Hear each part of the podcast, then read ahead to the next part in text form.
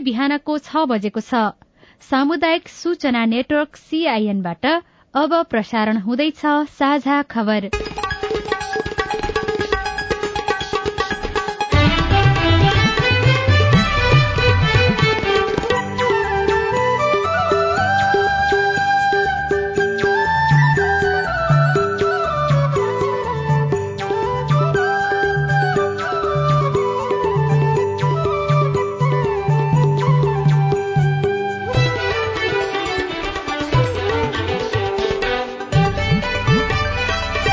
शुभ प्रभात यो सीआईएनको साझा खबर हो। उषा तामाङसँगै लील प्रकाश चन्दको तपाईँलाई स्वागत छ। सामुदायिक रेडियोबाट देशैभरि एकैसाथ प्रसारण भइरहेको साझा खबर सीआईएन खबर डट कम र मोबाइल एप सीआईएनबाट पनि सुन्न सकिन्छ। आज दुई हजार उनासी साल असार एक्काइस गते मंगलबार जुलाई पाँच तारीक सन् दुई हजार बाइस नेपाल सम्बत एघार सय बयालिस असार शुक्ल पक्षको षष्ठी तिथि।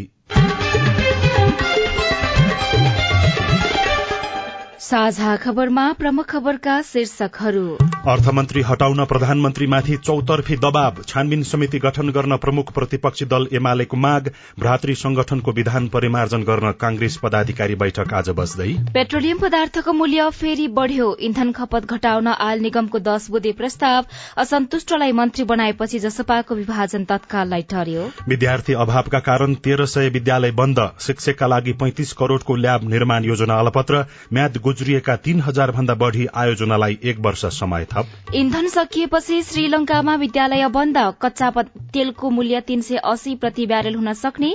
बाढ़ीका कारण अस्ट्रेलियामा जनजीवन कष्टकर। र नेपाल अनि क्यानाडा बीचको पहिलो एक दिवसीय खेल आज अफ्रिका कप अफ नेशन्सको मिति सरियो।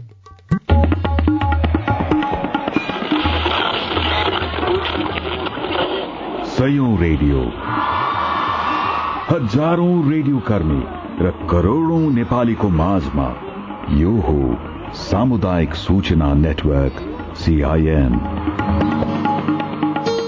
साझा खबरको सबैभन्दा शुरूमा अर्थमन्त्री हटाउन प्रधानमन्त्रीमाथि चौतर्फी दबाव बढ़ेको प्रसंग अर्थमन्त्री जनार्दन शर्मालाई तत्काल पदबाट बर्खास्त गर्न प्रधानमन्त्री शेरबहादुर देउवामाथि चौतर्फी दबाव बढ़ेको छ। प्रमुख प्रतिपक्षी दल नागरिक अगुवाका साथै सत्तारूढ़ दलका नेता कार्यकर्ता समेतले अर्थमन्त्री शर्मालाई हटाउन प्रधानमन्त्री देउवासँग माग गरिरहेका छन्। सामाजिक सञ्जालमा पनि अर्थमन्त्री र उनका विवादास्पद गतिविधिको आलोचना भइरहेको छ। बजेट प्रस्तुत गर्नु अघिल्लो रात जेठ चौध गते अनाधिकृत व्यक्तिलाई अर्थ मन्त्रालयमा प्रवेश गराई करका दर हेरफेर गरेको बजेट निर्माण गरेर गरेको विषयमा अर्थमन्त्री शर्माको निरन्तर आलोचना भइरहेको छ। नेकपा एमाले बजेट निर्माणको सन्दर्भमा भएको भनिएको अनियमितताको बारेमा संसदीय छानबिन समिति मार्फत अध्ययन गर्नुपर्ने माग गरेको छ। हिजो प्रतिनिधि सभा बैठकमा अध्यक्ष केपी शर्मा ओलीले बजेट निर्माणमा अनाधिकृत व्यक्ति प्रवेशको विषयमा संसदीय छानबिन हुनुपर्ने बताउनुभयो। आगामी आर्थिक वर्ष दुई हजार उनासी अस्सीको बजेट निर्माणमा अनधिकृत मान्छे राखेर निश्चित व्यक्तिले नै भने अनुसार करको निर्धारण गरिएको अध्यक्ष ओलीको आरोप थियो। मैले अन्धाधुन्दा आरोप लगाऊ आरोप हल्लाका भरमा केही गरौं भनेको छैन। छानबिन हुनै पर्छ यस्ता विषयमा। यो बाहिरिया मान्छेहरू बिचौलियाहरू राखेर बजेट बनाउने जस्तो कुरो कल्पनै गर्न सकिँदैन। यस्तो कुरा हुँदाखेरि पनि सरकार थितिमा चल्नु पर्दैन मर्यादा हुँदैन। त्यसकारण यसको छानबिन हुनुपर्दछ। सत्ताको नेतृत्व गरेको दल नेपाली कांग्रेसका महामन्त्री गगन थापाले पनि अर्थमन्त्रीले राजीनामा दिनुपर्ने बताउनु भएको छ। संसद बैठकपछि प्रतिक्रिया दिँदै थापाले अर्थमन्त्रीमाथि संसदभित्र र बाहिर पनि प्रश्नहरू उठेको भन्दै उहाँले राजीनामा दिनुपर्ने बताउनुभयो। तत्काल प्रधानमन्त्रीले यसका बारेमा एउटा एक्सनमा जानुपर्छ। यत्रो विषय संसदमा उठ्यो बाहिर उठ्यो उठिसकेपछि म यसमा हो होइन मलाई थाहा छैन। तर यो विषय उठिसकेपछि मैले बुझेको कि अर्थमन्त्रीजीले अहिले राजीनामा दिनुपर्छ कि प्रधानमन्त्रीजीले उहाँलाई अहिले हटाउनुपर्छ र तत्काल छानबिन गर्नुपर्छ। हाम्रो आफ्नै कार्यविधि छ हाम्रो आफ्नै नियम कानूनले पनि हामीलाई यो कम्तीमा तीन महिनासम्मको सिसिटिभी फुटेज राख्ने कुरा भनिहाल्छ। यति कुरा उठिसकेपछि अब यो उठ्यो उठ्यो यतिकै यतिकै गयो भनेर हुँदैन। विद्युतीय सवारी साधनमा अन्तशुल्क तथा भन्सार महसुल वृद्धि सेनिटरी प्याडमा विदेशीलाई छूट र स्वदेशीलाई कच्चा पदार्थमा भन्सार महसुल यथावत फलाम तथा इस्पातमा आश्रित तार र मोटरसाइकलमा थप गरिएको भन्सार महसुल निजी कम्पनीलाई पनि बीमा कार्यक्रम सम्बन्धी व्यवस्थाले अर्थमन्त्री शर्मा विवादको घेरामा छन्। अर्थमन्त्री शर्मा भने जौसुकैले माग्दैमा सीसीटीभी फुटेज दिन नमिल्ने भन्दै संसदमै प्रतिरक्षा गरिरहनु भएको छ। नेपाल आयल निगमले गैराती बाह्र बजेबाट लागू हुने गरी फेरि पेट्रोलियम पदार्थको मूल्य बढ़ाएको छ। निगमले पेट्रोलमा प्रति लिटर दुई डिजेल मट्टीतेलमा प्रति लिटर नौ नौ रूपियाँ र हवाई इन्धन आन्तरिकतर्फ पाँच रूपियाँ बढ़ाएको हो। भारतीय आयल कर्पोरेशनले पठाएको नयाँ मूल्य सूची अनुसार प्रति लिटर पेट्रोल एक सय एकासी रूपियाँ डिजेल र मट्टीतेल एक सय बहत्तर रूपियाँ र हवाई इन्धन आन्तरिक नौ सय नब्बे रूपियाँ पर्नेछ। निगमले खाना पकाउने एलपी ग्यासको मूल्य भने यथावत राखिएको जनाएको छ। निगमले तेल वितरणमा कोटा प्रणाली लगाउन सरकारलाई प्रस्ताव समेत गरेको छ। बढ़दो इन्धनको खपत कम गर्न एक पटकमा मोटरसाइकललाई बढ़ीमा पाँच लिटर र कार तथा जीपलाई बीस लिटरसम्म तेल वितरण गर्ने गरी कोटा प्रणाली लगाउन वाणिज्य उद्योग वाणिज्य तथा आपूर्ति मन्त्रालयलाई प्रस्ताव गरिएको हो। निगमले सरकारी तथा निजी सवारी साधन जोर बिजोर प्रणालीमा सञ्चालन गर्न पनि सरकारलाई प्रस्ताव गरेको छ। देशका प्रमुख शहरमा शनिबार गाड़ी रहित सार्वजनिक विदाको घोषणा गर्नुपर्ने लगायतका दश बुधे प्रस्ताव गरिएको निगमका प्रवक्ता विनित मणि उपाध्यायले सीआईएनसँग बताउनुभयो। कोटा प्रणाली लागू गरेको खण्डमा मात्रै यसको चाहिँ तेलको खपत कम हुन सक्छ। भनेर पाँच लिटर दस लिटरका कुराहरू गर्यौं अत्यावश्यक सवारी साधनका कुराहरू गर्यौं इलेक्ट्रिकल भेकलहरूलाई पनि प्रमोट गर्नु पर्यो। सार्वजनिक छुट्टीको दिन चाहिँ पूर्णतया निषेधै गर्नु पर्यो। गाडीहरू चल्नलाई निषेधै गर्नु पर्यो। त्यो जसरी हुन्छ पेट्रोलियम पदार्थको खपत घटाउनु पर्यो भन्ने कुरा हामीले गरेको हौ। त्यही भएर हामीले अलिकति राष्ट्रिय नीति नै त्यस्तो अवलम्बन गर्यौं अथवा राष्ट्रिय नीति नै त्यस्तो लियौं भने पेट्रोलियम पदार्थको खपत घट्छ है। यो अनावश्यक रूपमा पेट्रोलियम पदार्थको खपत बढाएर मुलुकलाई नै फाइदा छैन। र त्यसमा हाम्रो संस्थालाई घाटा भएको कुरा त छँदैछ। निगमले छोटो दूरीमा सवारी साधनका प्रयोग नगरी पैदल यात्रा गर्न पनि सर्वसाधारणलाई आह्वान गरेको छ। पेट्रोलियम पदार्थबाट चल्ने सवारी साधन लगायत अन्य उपकरणहरूको आयात बन्द गर्ने ठूला उद्योग परियोजना होटल आदिले डिजेल तथा एलपी ग्यासको खपत नगरी विद्युतको खपत गर्न समेत आह्वान गरिएको निगमले जनाएको छ। यसैबीच भारतको मोतिहारीबाट ल्याइँदै गरेको हवाई इन्धन अब करिब पाँच किलोमिटर टाढाको बरौनीबाट ल्याइने भएको छ। हालसम्म हवाई इन्धन भारतको मोतिहारी डिपोबाट रक्सौल हुँदै बाराको अम्लेखगंजबाट काठमाडौँ ल्याउने गरिएको थियो। रक्सौल काठमाडौँको प्रति लिटर ढुवानी भाडा तीन रूपियाँ पचास पैसा रहेकोमा अब बरौनी काठमाडौँको दूरी दोब्बर हुने भएपछि भाडा पनि बढ़ने भएको छ। इण्डियन आयल कर्पोरेशन आईओसीले मोतिहारी डिपो बन्द गरेपछि हवाई इन्धन बरौनीबाट आयात गरिन लागि हो। अम्लेखगंजसम्म पाइपलाइन सञ्चालनमा आएपछि रक्सौल नाकाबाट हवाई इन्धन मात्र आयात गरिँदै आएको छ।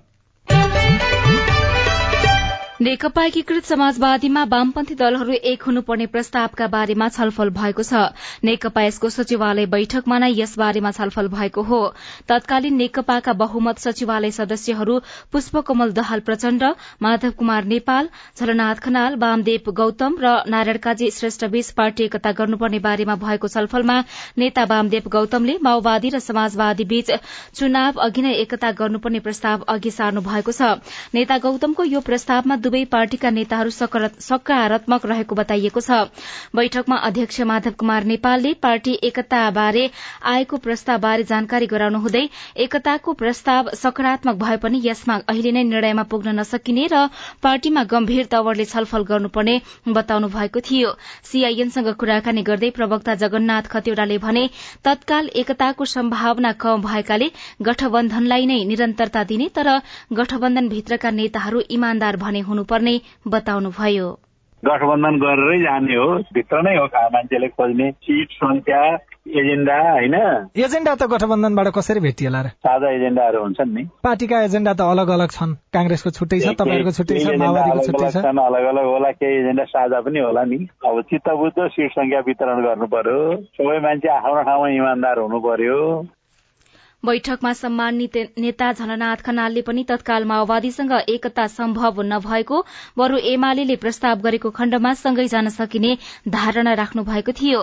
तर एमाले अध्यक्ष केपी शर्मा ओली भने वाम एकताको बारेमा सकारात्मक नभए पनि अरू नेताहरूले भने हैसियत अनुसार मिल्न आएको खण्डमा एकता हुन सक्ने बताएका छन्। सीआईएनसँग कुराकानी गर्दै प्रमुख सचेतक विशाल भट्टराई। पार्टीगत रूपमा होइन उहाँहरू एमालेमा फरक फर्केर आउँदाखेरि एमाले राम्रो सम्मानजनक ठाउँ दिन्छ जिम्मेवारी दिन्छ।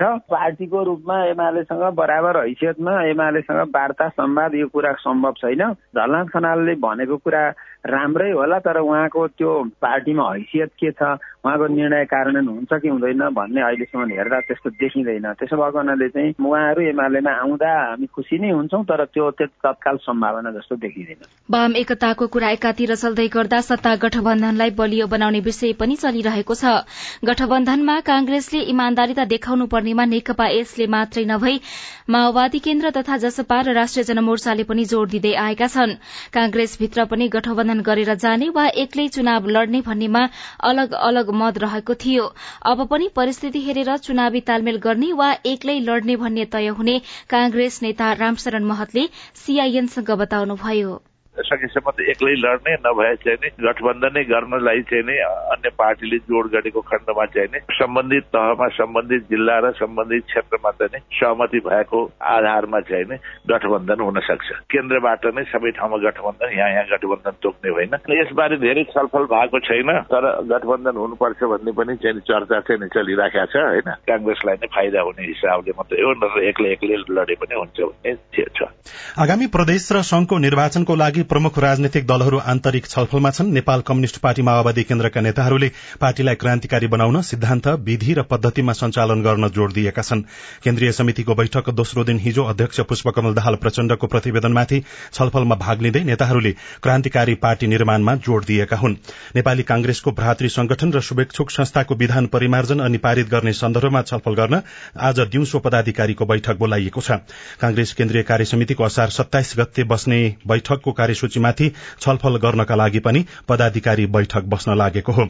मुख्य सचिव कृष्ण प्रसाद पौडेलले पदाधिकारी बैठकमा केन्द्रीय कार्य समिति बैठकको कार्यसूचीबारे पनि छलफल हुने बताउनुभयो।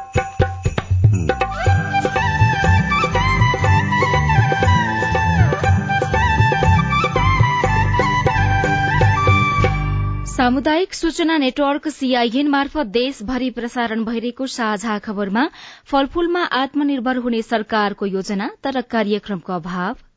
कहिलेकाहीँ यसो कृषि तालिम आउँछ भनेदेखि यहाँ हामीलाई त्यस्तो मान्छे अब हाल्दै हाल्दैन। त्यसमा आफू यत्रो फुलबारी लगाएको छु तर यतिको फुलबारी लाउँदा पनि प्रफिट केही भइरहेको छैन। विद्यार्थी अभावका कारण तेह्र सय विद्यालय बन्द शिक्षकका लागि पैंतिस करोड़को ल्याब निर्माण योजना अलपत्र म्याद गुज्रिएका तीन हजार भन्दा बढ़ी आयोजनालाई एक वर्ष समय थप लगायतका खबर बाँकी नै छन्। सीआईएनको साझा खबर सुन्दै गर्नुहोला।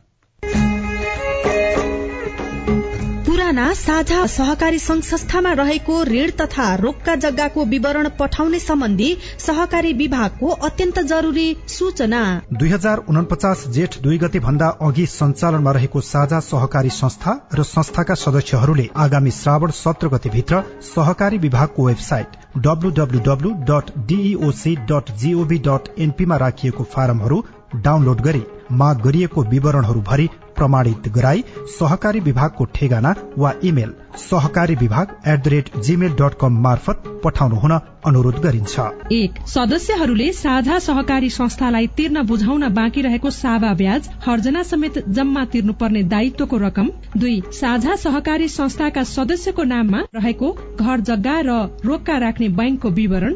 तीन साझा सहकारी संस्थाका सदस्यहरूलाई ऋण प्रवाह गर्ने सिलसिलामा तत्कालीन साझा सहकारी संघ संस्थाले कृषि विकास बैंकसँग लिएको ऋणको विवरण। प्रदेश सहकारी मन्त्रालय प्रदेश रजिस्ट्रारको कार्यालय तथा सबै स्थानीय तहहरू र राष्ट्रिय सहकारी महासंघ केन्द्रीय सहकारी संघ र जिल्ला सहकारी संघहरूले समेत यसै सूचनालाई आधार मानि विवरण भर्ने भराउने कार्यमा सहजीकरण गरिदिन हुन विभाग अनुरोध गर्दछ। पछि छुट हुन गएको भनी माग दावी गर्न पाइने छैन। थप जानकारीको लागि असार पन्ध्र गतेको गोर्खा पत्र अन्नपूर्ण पोस्ट वा नयाँ पत्रिका हेर्नुहोला अथवा विभागको website W W W dot DEOC dot GOV dot NP हेर्नुहोला। सहकारी विभाग नयाँ बानेश्वर काठमाडौँ। सामाजिक रूपान्तरणका लागि यो हो सामुदायिक सूचना नेटवर्क सीआईएन तपाई अहिले देशभरिका सामुदायिक radio CIN Khabar dot com र मोबाइल एप सीआईएनबाट एकैसाथ साझा खबर सुन्दै हुनुहुन्छ। अब आज काठमाडौँबाट प्रकाशित पत्र पत्रिकाको खबर। गोर्खापत्र दैनिकमा अनलाइनमा आधारित स्वास्थ्य सेवा शुरू शीर्षकमा खबर छापिएको छ। योगदानमा आधारित सामाजिक सुरक्षा कोषका योगदानकर्ताका लागि स्वचालित विद्युतीय प्रणालीमा आधारित स्वास्थ्य सेवा प्रवाहको शुभारम्भ भएको छ। श्रम रोजगार तथा सामाजिक सुरक्षा मन्त्री शेरबहादुर कुँवरले अनलाइन मार्फत उक्त सेवाको शुभारम्भ गर्नुभयो। सो सेवा शुरू भएसँगै योगदानकर्ताले उपत्यकाका त्रिवी शिक्षण अस्पताल वीर अस्पताल राष्ट्रिय ट्रमा सेन्टर पाटन र काठमाण्डु मेडिकल कलेज लगायत देशभरका छब्बीसवटा अस्पतालमा बिना झन्झट स्वास्थ्य सेवा लिन सक्नेछन्। यी अस्पतालमा सेवा लिन योगदानकर्ताले कोषमा योगदान गरेको नम्बर सहितको परिचय पत्र देखाए पुग्नेछ। र गोर्खापत्र दैनिकै अर्को खबरमा निर्वाचन आयोगद्वारा डेढ़ अर्ब फिर्ता शीर्षकमा छापिएको छ निर्वाचन आयोगले स्थानीय तह निर्वाचनमा खर्च नभएको एक अर्ब पचास करोड़ रूपियाँ अर्थ मन्त्रालयलाई फिर्ता गरेको छ। आयोगले खर्च नभएको रूपियाँ अझै बढ़न सक्ने अनुमान गरेको छ। आयोगका प्रवक्ता शालिग्राम शर्मा पौडेलले अर्थ मन्त्रालयबाट स्थानीय तह निर्वाचनका लागि सुनिश्चित भएको रूपियाँ मध्ये एक अर्ब पचास करोड़ खर्च नहुँदा असार सोह्र गते फिर्ता पठाएको जानकारी दिनुभयो। भयो आयोगले स्थानीय निर्वाचनका लागि मन्त्रालय समक्ष आठ अर्ब पञ्चानब्बे करोड़ बजेट माग गरेको थियो तर मन्त्रालयले आठ अर्ब एघार करोड़ बजेट सुनिश्चित गरेको थियो। कान्तिपुर दैनिकमा मधेसमा भाँसिँदै पानी शीर्षकमा श्याम सुन्दर शशी सन्तोष सिंह जनकपुर त्यसै गरी शिवपुरी रौतहट र भरत जर्घा मगरले सिराहाबाट खबर लेख्नु भएको छ। धनुषाको सबैमा बिताएको बाल्यकाल सम्झिँदा पूर्व राष्ट्रपति रामवरण यादव नोस्टाल्जिक हुनुहुन्छ। गाउँको पूर्वबाट बग्ने नदीमा वर्षैभरि पानी हुन्थ्यो। स्थानीय बासिन्दा बाह्रै मास खोलामा हुन्थे माछा गंगटो घुगी मारेर खान्थे। खेती गर्न पानीको दुःख थिएन तर ती दिनहरू अब सम्झनामा मात्रै रहे। ट्युबवेल गाड्दा गहिरोसँग बोरिङ नगरे भेटिँदैन पानीको भूमिगत स्रोत शीर्षकमा खबर लेखिएको छ। भित्री पन्नामा अर्को खबर छ जसपाको वैधानिक विभाजन तत्काललाई टर्यो शीर्षकमा। जसपा अध्यक्ष उपेन्द्र यादवले आफू विरूद्ध उत्रिएका सांसदलाई मन्त्री बनाएर कानूनी रूपमा पार्टी विभाजनको जोखिम तत्कालका लागि टार्नु भएको छ। यादवसँग असन्तुष्ट समूहलाई लिएर संघीय परिषद अध्यक्ष डाक्टर बाबुराम भट्टराईले पार्टी विभाजन गर्न खोजिरहेका बेला यादवले हिजो मन्त्री हेरफेर गर्नुभएको छ। जनता समाजवादी पार्टीका संघीय परिषद अध्यक्ष भट्टराईको समूहले अलगै पार्टी निर्माणका लागि तयारी समेत थालिसकेको छ। अर्को खबर बन्द भए तेह्र सय विद्यालय शीर्षकमा सुदीप कैनीले लेख्नु भएको छ देशभर सामुदायिक विद्यालयको संख्या घट्दै गएको छ। शिक्षा तथा मानव स्रोत विकास केन्द्रका अनुसार विद्यार्थी अभावका र सरकारको विद्यालय समायोजन नीतिका कारण सामुदायिक विद्यालय बन्द हुने क्रम बढ़ेको हो। आर्थिक सर्वेक्षण प्रतिवेदनमा शैक्षिक सत्र दुई हजार सतहत्तरमा निजी सामुदायिक गरी पैंतिस हजार छ सय चौहत्तर विद्यालय सञ्चालन भएको देखिन्छ तर दुई हजार अठहत्तरमा तेह्र सय छ विद्यालय बन्द भएर चौतिस हजार तीन सय अठसठीवटा मात्रै कायम गरिएको छ। भित्री पन्नामा अर्को खबर प्रविधि पछ्याउँदै किसान शीर्षकमा सम्झना रसाईले तनहुबाट लेख्नु भएको छ। परम्परागत रूपमा खेती गर्ने चलन छाडेर किसानले नयाँ प्रविधि पछ्याउन थालेका छन्। हल गोरू नारेर खेतबारी जोत्ने किसानले अहिले प्राय आधुनिक ट्र्याक्टर मिनी टिलर जस्ता प्रविधि प्रयोग गर्न थालेका छन्। म्याद गुज्रिएका आयोजनाले एक वर्ष थप समय पाउने भएका छन्। सरकारले सार्वजनिक खरिद नियमावलीको बाह्रौं संशोधन गर्दै मिति सकिएका आयोजनालाई एक वर्ष म्याद थप गरिदिएको हो। यस्ता म्याद गुज्रिएका आयोजनाहरू देश देशभर तीन हजार भन्दा बढ़ी रहेको नेपाल निर्माण व्यवसायी महासंघका अध्यक्ष रवि सिंहले बताउनुभयो। सरकारले सार्वजनिक खरिद नियमावली दुई हजार चौसठीको बाह्रौं संशोधनको सूचना सोमबार राजपत्रमा प्रकाशन गरेको छ। सरकारले हाल म्याद गुज्रिएका वा असार मसान्तसम्म म्याद गुज्रने तर काम भने सम्पन्न नभएका वा सम्पन्न हुन नसक्ने निर्माण आयोजनालाई एक वर्ष थप समय दिएर दुई हजार अस्सी असार मसान्तसम्म म्याद दिने भएको हो। म्याद गुज्रिएका तीन हजार भन्दा बढ़ी आयोजनालाई एक वर्ष समय थप शीर्षकमा अर्थ नयाँ पत्रिका दैनिकले खबर छापेको छ। नयाँ पत्रिका दैनिकले नै स्वास्थ्यका संवेदनशील कार्यक्रममा सरकारको व्यवस्था शीर्षकमा खबर छापेको छ। अर्जुन अधिकारी लेख्नुहुन्छ सरकारले ज्येष्ठ नागरिक महिला तथा क्यान्सर भएका मृगोला प्रत्यारोपण गरेका र मेरूदण्ड पक्षघात लगायतका गम्भीर बिरामीको उपचार सहज बनाउन घोषणा गरेका कार्यक्रम सञ्चालनमा चासो नै देखाएको छैन। यति संवेदनशील कार्यक्रमहरूका लागि बजेट विनियोजित बजेट स्वास्थ्य मन्त्रालयले खर्च नै गर्न सकेको छैन। बरू कुनै कुनै कार्यक्रमको बजेट अन्तै खर्च गर्ने गरिएको छ। शिक्षकका लागि पैंतिस करोड़का सूचना प्रविधि तालिम ल्याब निर्माण योजना अलपत्र शीर्षकमा अर्को खबर छ। भवानी स्वर गौतम लेख्नुहुन्छ। शिक्षकलाई भर्चुअल तालिमका लागि सातै प्रदेशमा सूचना संचार प्रविधि आईसीटी ल्याब निर्माण गर्ने योजना अलपत्र पारिएको छ। सात प्रदेशका लागि पाँच पाँच करोड़का दरले पठाउने गरी पैंतिस करोड़ बजेट विनियोजन गरे पनि आर्थिक वर्ष सकिने लाग्दासम्म चार प्रदेशमा मात्रै बजेट नै पठाइएको छैन। साझा खबरमा अब हेलो सीआईएन अविनाश आचार्यबाट। नमस्कार मेरो नाउँ धनबहार ओली जिल्ला जाजरकोट बारेकोट गाउँपालिका वार्ड नम्बर सात भागा माझगाउँ बाल पराई विद्यालयमा कार्यालय सकी हामीलाई पन्ध्र महिनाको पन्ध्र हजारको दरले हाल्ने भन्ने थियो।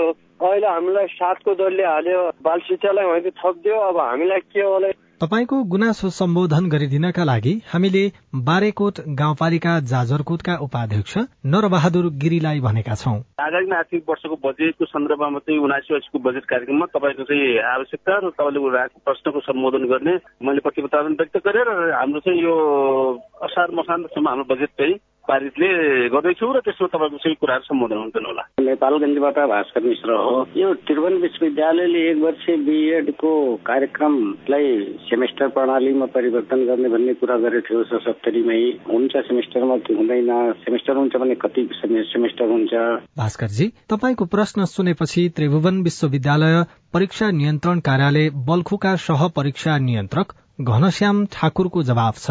हाम्रो त्रिभुवन विश्वविद्यालय परीक्षा निर्णय बल्खु अन्तर्गत वार्षिक प्रणाली अन्तर्गत एक वर्ष बिएड चलिरहेको थियो र हामीले सतहत्तरी सालमा अन्तिम पटक भनेर त्यसको परीक्षा लिइसकेर अब नतिजा प्रकाशनको क्रममा छु र त्यस पछाडि उपरान्त शिक्षा शास्त्र संकाय दिनको कार्यालयले त्यसलाई सेमेस्टरमा लग्ने कुरा सुनेको हो होइन निर्णय गरेको छ। तर त्यहाँबाट खोलिरहेको छैन विद्यार्थी यहाँ सोध्न आउँछ। अब त्यो दुई सेमेस्टरको हुनुपर्छ। एक वर्ष कार्यक्रम भनेको दुई सेमेस्टरमा हुन्छ तर विस्तृत जानकारी दिनु पर्यो भने शिक्षा शास्त्र संकायमा सम्पर्क गर्न देश होला। रौतहटमा काठका लागि निवेदन दिएको महिनौ बित्दा समेत सम्बोधन नभएपछि एकजना नागरिक भन्नुहुन्छ। फतुवा विजयपुर नगरपालिका वार्ड नम्बर एक रौतहटबाट म शम्भु दास बोल्दछु। रौतहट जिल्ला वन कार्यालयमा लापरवाही किन पाँच महिना पहिला निवेदन मैले दिइसक्नु भएको छ काठको लागि फर्निचर बनाउनको लागि। कहिले दिन्छ भने अब? तपाईँको गुनासो हामीले डिभिजन वन कार्यालय रौतहटका प्रमुख अमरदेव प्रसाद यादवलाई सुनाएका छौँ। एकजनालाई कम्तीमा पचास किलो फिट दिनै पर्छ अनि पचास किलो फिट हामी दिन दिनु पर्यो भने लगभग एक लाख नब्बे हजार। घनफिट काठ आवश्यकता पर्छ होइन? काठ अहिले आपूर्ति समितिको नाममा अब थोरै छ काठ आपूर्ति समितिले हस्तान्तरण गर्ने हामी उस प्रक्रियामा छौँ। त्यो हस्तान्तरण गरेपछि तुरन्तै हामी खोल्छौँ र उहाँले काठ पाउनुहुन्छ कति समय लाग्ला त्यसको लागि? बिस पच्चिस लाख फिट काठ समितिमा आइसकेपछि अनि मात्रै हामी वितरण गर्ने नत्र फेरि कसलाई दिने कसलाई नदिने अनि बिस पच्चिस जनालाई मात्रै दिएर त हुँदैन त्यो कारण हामी त्यो व्यवस्थापनको चाँजो चाँजोमा लागेका छौँ। यो मिलिसकेपछि हामी तुरन्तै खोल्छौँ। सकभर यही महिनाभित्रै हामी एकपटक खोल्ने प्रयासमा छौँ। तपाईँ जुनसुकै बेला हाम्रो टेलिफोन नम्बर शून्य एक बान्न साठी छ चार छमा फोन गरेर आफ्नो प्रश्न जिज्ञासा गुनासा तथा प्रतिक्रिया रेकर्ड गर्न सक्नुहुन्छ। साझा खबरमा अब विदेशको खबर। श्रीलंकामा इन्धन सकिएपछि विद्यालयहरू बन्द गरिएको छ। पहिलो चरणमा हिजोदेखि एक हप्ताका लागि विद्यालय बन्द गरिएको छ। श्रीलंकाको शिक्षा मन्त्रालयले सरकारको स्वामित्वमा रहेका र सरकारको स्वीकृतिमा सञ्चालन भएका सबै निजी विद्यालयहरू बन्द गर्ने निर्णय पनि गरिसकेको छ। यसैबीच युक्रेन रूस युद्धको कारण महँगिँदै गएको कच्चा तेलको मूल्य प्रति ब्यारेल तीन सय अस्सी डलर पुग्न सक्ने चेतावनी दिएको छ। ब्लूमबर्गको प्रतिवेदन अनुसार अमेरिका र युरोपीय मुलुकले रूसमाथि लगाएको विभिन्न प्रतिबन्धका कारण कच्चा तेलको मूल्य विश्व स्तरमै महँगिनेछ। लगातारको वर्षासँगै बाढ़ीका कारण अस्ट्रेलियाको सिडनीमा जनजीवन प्रभावित बनेको छ। आइतबारदेखि आएको बाढ़ीका कारण कम्तीमा एकजनाको मृत्यु भइसकेको छ भने दशौं हजार प्रभावित भएका छन्। अधिकारीहरूले बाढ़ी प्रभावित क्षेत्रका तीस हजार भन्दा बढ़ीलाई सुरक्षित स्थानमा सार्न आदेश दिएका स्थानीय संचार माध्यमहरूले जनाएका छन्। नारायण खड्काले अस्ट्रेलियाबाट कान्तिपुर दैनिकमा लेख्नु भएको छ। साझा खबरमा अब खेल खबर। नेपालले आज क्यानाडा विरूद्धको पहिलो एक दिवसीय क्रिकेट खेल्न लागेको छ। आईसीसी विश्वकप लीग टू अन्तर्गत स्कटल्याण्डमा आयोजना हुने त्रिकोणात्मक एक दिवसीय सिरिजका लागि क्यानाडामा अभ्यास गरिरहेको छ जस अन्तर्गत आज पहिलो खे एक दिवसीय खेल्न लागेको हो। नेपाल र क्यानाडा बीचको खेल राति साढे आठ बजेबाट शुरू हुनेछ। फ्रेन्चाइज फुटबल प्रतियोगिता नेपाल सुपर लीग अन्यलतामा परेको छ। भदौको अन्तिम सातादेखि दोस्रो संस्करणको प्रतियोगिता आयोजना गर्ने स्वीकृति पाएको Nepal sports event and management company पनि एन्फाको नेतृत्व परिवर्तनसँगै अन्यलमा परेको हो। र अफ्रिकन कप अफ नेशन्स प्रतियोगिता एक वर्ष पर धकेलिएको छ। आइभरी कोस्टमा आगामी वर्ष हुने भनिएको प्रतियोगिता अब सन् दुई हजार चौविसमा आयोजना हुनेछ। उत्पादन नबढे नेपाल पचास वर्षमा पनि आफमा आत्मनिर्भर हुन मुस्किल। रिपोर्ट स्वस्थ जीवनशैली सम्बन्धी सन्देश अरू खबर र कार्टुन पनि बाँकी नै छ। सीआईएनको साझा खबर सुन्दै गर्नुहोला।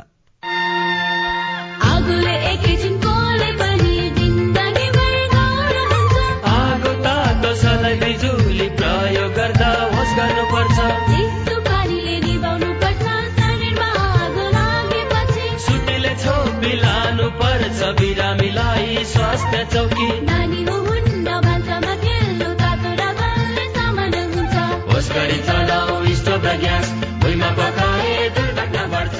अग्निजन्य दुर्घटना भएमा शून्य एक पचपन्न पचपन्न छ आठ नौमा सम्पर्क गर्नुहोस्। बीबीएस नेपाल ललितपुर।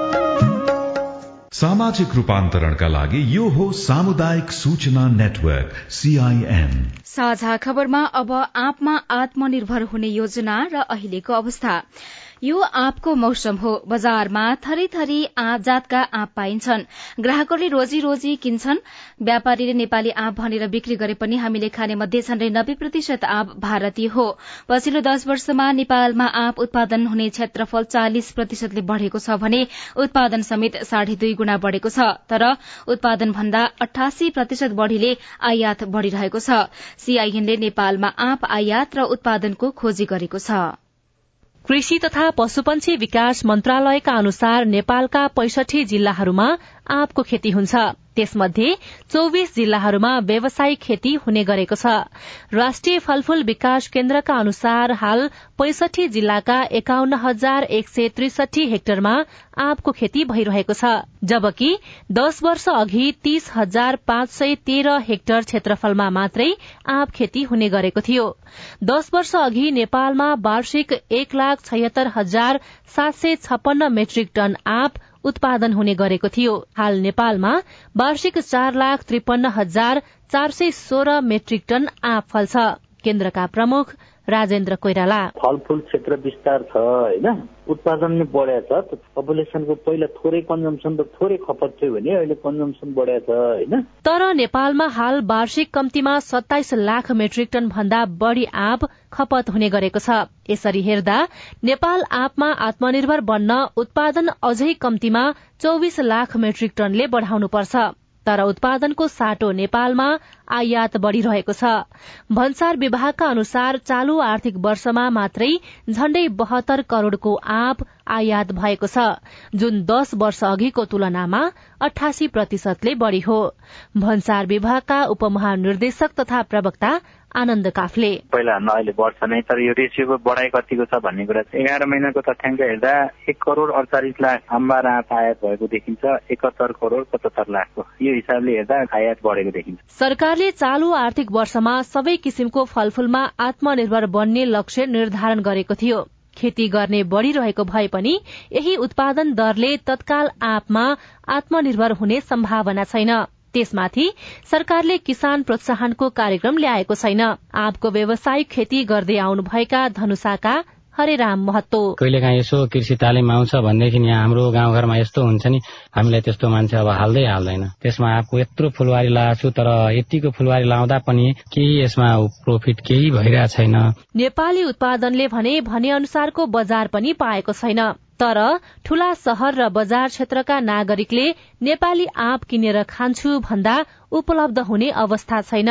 नेपालीले हाल खाइरहेका मध्ये झण्डै नब्बे प्रतिशत आँप भारतीय मात्रै छ। खुल्ला सिमानाकाको कारणले गर्दा भारतीय बजारका आँपहरूले गर्दा यहाँका किसानहरूले आँपका चाहेको जति मूल्य प्राप्त गर्न सक्दैन। सरकारले यसलाई व्यवस्थित तरिकाले लग्यो भने दक्ष प्राविधिकहरूबाट प्राविधिक ज्ञानहरू दियो भने रोगहरूको उपचार कृषकहरूलाई यदि तालिमबाट दियो भने अन्य क्षेत्रभन्दा आँप खेतीमा लाभदायक छ। आँपको आयात घटाउन र देशमै उत्पादन बढ़ाउन सरकारको नीति के छ? सीआईएनको प्रश्नमा कृषि तथा पशुपन्छी विकास मन्त्रालयका प्रवक्ता प्रकाश कुमार सञ्जेलको जवाब छ। यो आयात प्रतिस्थापनै गर्ने भनेर त्यसरी फोकस चाहिँ होइन। त्यसको प्रवर्धन गर्ने सिजनलमा चाहिँ प्रमोट गर्ने र सम्भाव्य ठाउँमा चाहिँ क्षेत्र विस्तार गर्ने भन्ने उद्देश्य राखेर यी दुईटा एउटा सरकारी फार्म र अर्को चाहिँ एउटा जोनको रूपमा कार्यक्रमहरू चाहिँ अगाडि बढाएको छ। आपको उत्पादनको हिसाब खोज्दै जाँदा दस वर्षमा साढे दुई गुणाले मात्रै उत्पादन बढ़ेको देखिन्छ। आयात नघट्ने र उत्पादनको दर यो भन्दा नबढ़ने हो भने अझै पचास वर्षसम्म नेपाल आपमा आत्मनिर्भर हुने देखिँदैन। सुशीला श्रेष्ठ रिपोर्टसँगै हामी साझा खबरको अन्त्यमा आइपुगेका छौं। सामुदायिक रेडियो प्रसारक संघद्वारा संचालित सीआईएनको बिहान छ बजेको साझा खबर सक्नु अघि मुख्य मुख्य खबर फेरि एकपटक। अर्थमन्त्री हटाउन प्रधानमन्त्रीमाथि चौतर्फे दबाव। छानबिन समिति गठन गर्न प्रमुख प्रतिपक्षी दल एमालेको माग। भ्रातृ संगठनको विधान परिमार्जन गर्न कांग्रेस पदाधिकारी बैठक आज बस्दै। पेट्रोलियम पदार्थको मूल्य फेरि बढ़्यो। इन्धन खपत घटाउन आयल निगमको दश बुधे प्रस्ताव। असन्तुष्टलाई मन्त्री बनाएपछि जसपाको विभाजन तत्काललाई टर्यो। विद्यार्थी अभावका कारण तेह्र सय विद्यालय बन्द। शिक्षकका लागि पैंतिस करोड़को ल्याब निर्माण योजना अलपत्र। म्याद गुज्रेका तीन हजार भन्दा बढ़ी आयोजनालाई एक वर्ष समय थप। इन्धन सकिएपछि श्रीलंकामा विद्यालय बन्द कच्चा तेलको मूल्य तीन सय अस्सी प्रति ब्यारेल हुन सक्ने चेतावनी र नेपाल अनि क्यानाडा बीचको पहिलो एक दिवसीय खेल आज। साझा खबरको अन्त्यमा कार्टुन। कार्टुन हामीले कान्तिपुर दैनिकमा अबिनले बनाउनु भएको गजब छब्बास शीर्षकको कार्टुन लिएका छौं। व्यङ्ग्य गर्न खोजिएको छ।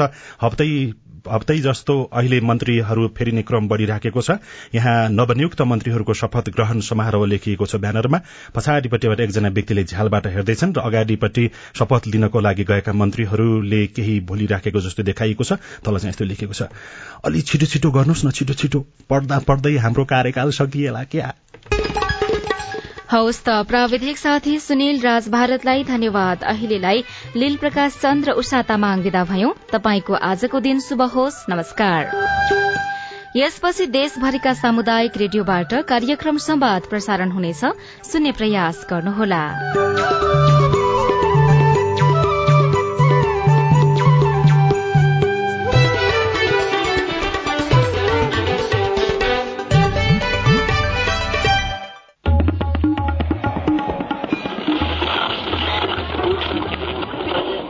सयौं रेडियो। हजारौं रेडियो कर्मी र करोड़ौं नेपालीको माझमा यो हो सामुदायिक सूचना नेटवर्क सीआईएन